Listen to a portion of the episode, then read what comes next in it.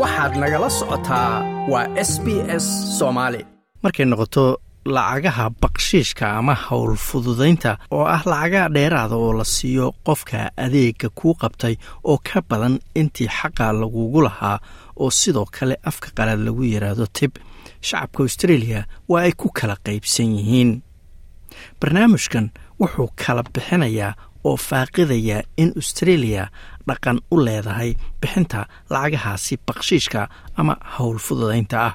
Bakshiish ama tib waa lacaga loo bixiyo abaalmarin ama mahadcelin adeeg fiican waxaana loo bixin karaa lacag caddaana ahaan ama nidaamyada kale ee lacagaha lagu bixiyo sida efboostada australia waxaa ka jira jahawareer iyo is-afgarad la'aan la xiriirta in lacagtaas la bixiyo iyo in kale oo mararka qaarkood loogu yeero mahadcelin jahawareerkan ayaa ka dhashay caadooyinka bixinta lacagahaas ee aan ka aragnay dalal kale sida uu sharaxaya bill d. Maer d ayaa sannado badan ka soo shaqeeyey hay'adda tartanka ganacsiga iyo macaamiisha ee australia ee loo soo gaabiyo a triple c bixinta bakshiishku ama tibka lacagta la yidhaahdo waa arrin dhaqan. tusaale ahaan maraykanka waxay ka tahay sidii qasab oo kale.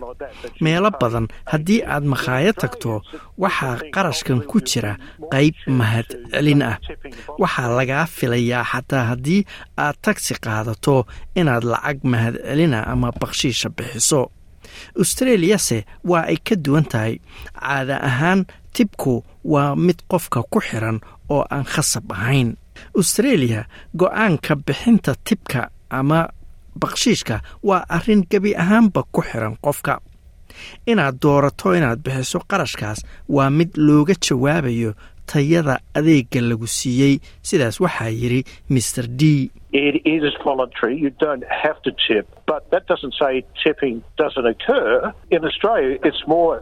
Waa mid qofka ku xiran. qasabna ma aha inaad bixiso. Laakiin taas macnaheedu ma aha.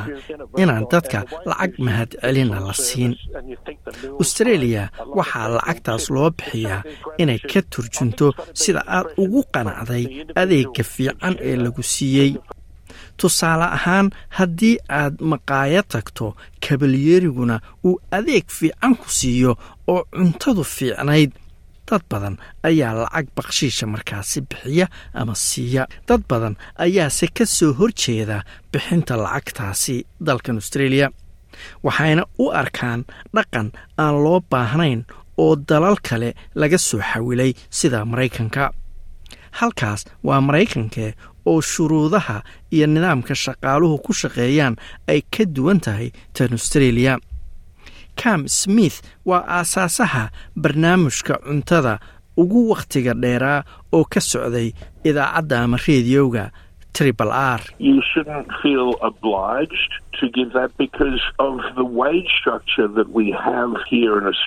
Ma aha inaad dareento inay waajib kugu tahay inaad bixiso lacagtaasi bakshiishka ah. Sababtoo ah qaabka mushaarooyinka looga bixiyo australia waa ay ka duwan tahay tan dalal badan australia waxay leedahay sharci dhigaya mushaarka ugu yar ee qof la siin karo. Mushaarkaas oo ah mid macquula ama xaq ah. Marka loo barbardhigo maraykanka oo mushaarku uu aad u yaryahay shaqaaluhuna markaas noloshoodu ay ku xiran tahay hadba bakshiishka ama tibka la siiyo. Australia qofka ayay ku xiran tahay inuu lacagtaas ku bixiyo adeega fiican ee la siiyey waxaa jira aragti laga midaysan yahay oo ah inaan loo baahnayn in la caadeeyo dhaqanka bakshiish bixinta ee la siiyo adeegyada caadiga ah. Maer d ayaa mar kale sharaxaya.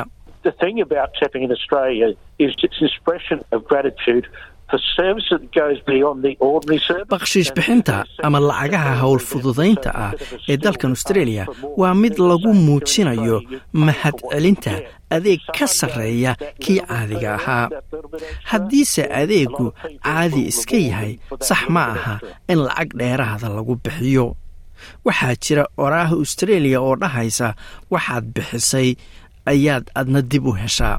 Haddii qofku ku siiyo adeeg aad u sarreeya oo ka badan kii caadiga ahaa markaas waad abaalmarin kartaa ayuu yidhi. Haddii aad doorato inaad bakshiish bixiso kadib markaad makhaayad wax ka cunto lacag caddaana ayaa miiska uga tegi kartaa ama waxaad ku ridi kartaa quraarad yar oo lacagtaas loogu talagalay oo meesha lacagta laga bixiyo taalla.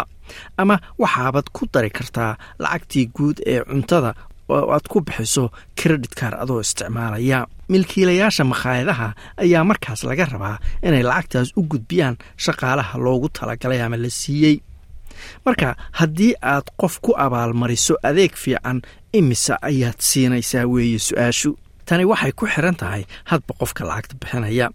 Hase yeeshee waxaa jira xeer la isla qaatay sida uu leeyahay cam smith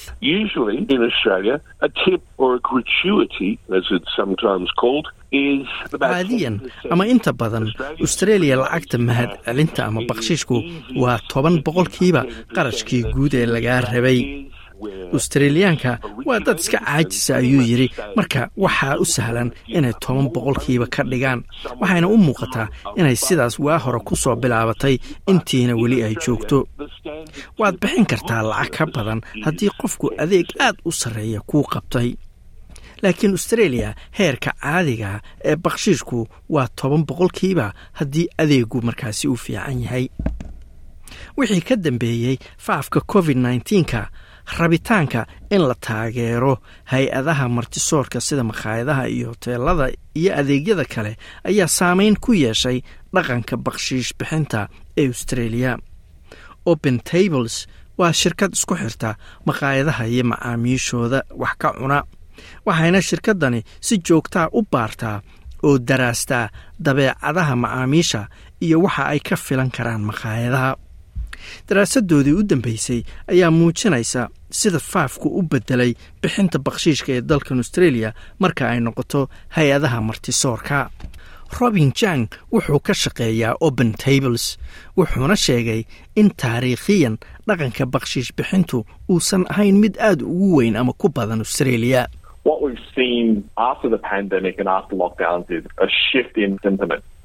waxaan aragnay wixii ka dambeeyey faafkii covid nneteen-ka iyo xanibaadihii waa in dareenka dadku isbedelay.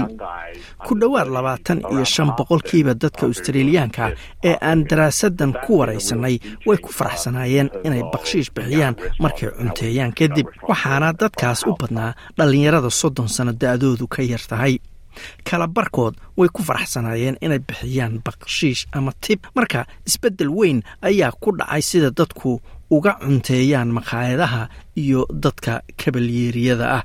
Faafka covid nneteen-ka wuxuu dhimay bakshiishka lagu bixiyo lacag caddaan ah.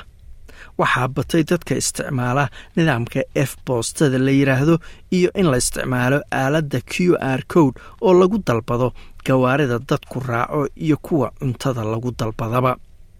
Australiyana tagaasidu inta badan ma fishaan in lacag dheeraada la siiyo inkastoo ay caado tahay in qarashka tagsiga ama lacagta tagsiga lagu aruuriyo doolarka ugu dhow. Tusaale ahaan haddii qarashku yahay labaatan doolar iyo konton senti waxay u badan tahay qofku inuu kow iyo labaatan doolar ka dhigo haddii aad doonayso inaad taageerto hay'adaha martisoorka habdhaqankeenna ayaa wax weyn ka bedeli kara sida uu leeyahay robin jang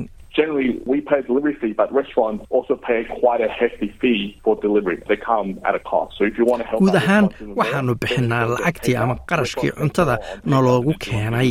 Laakiin makhaayadaha lacag badan ayaa iyagana uga baxda inay cuntada kuu soo diraan marka haddii aad doonayso inaad caawiso makhaayadaha waxaa fiican inaad cuntada ka gadato oo qaadato ama waxa taykaweyga loo yaqaano.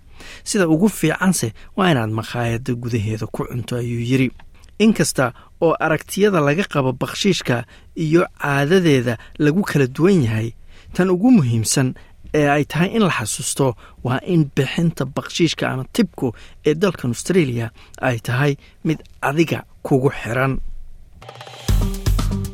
like aas la wadaag wax ka dheh lana soco barta facebooka ee sb s soomaali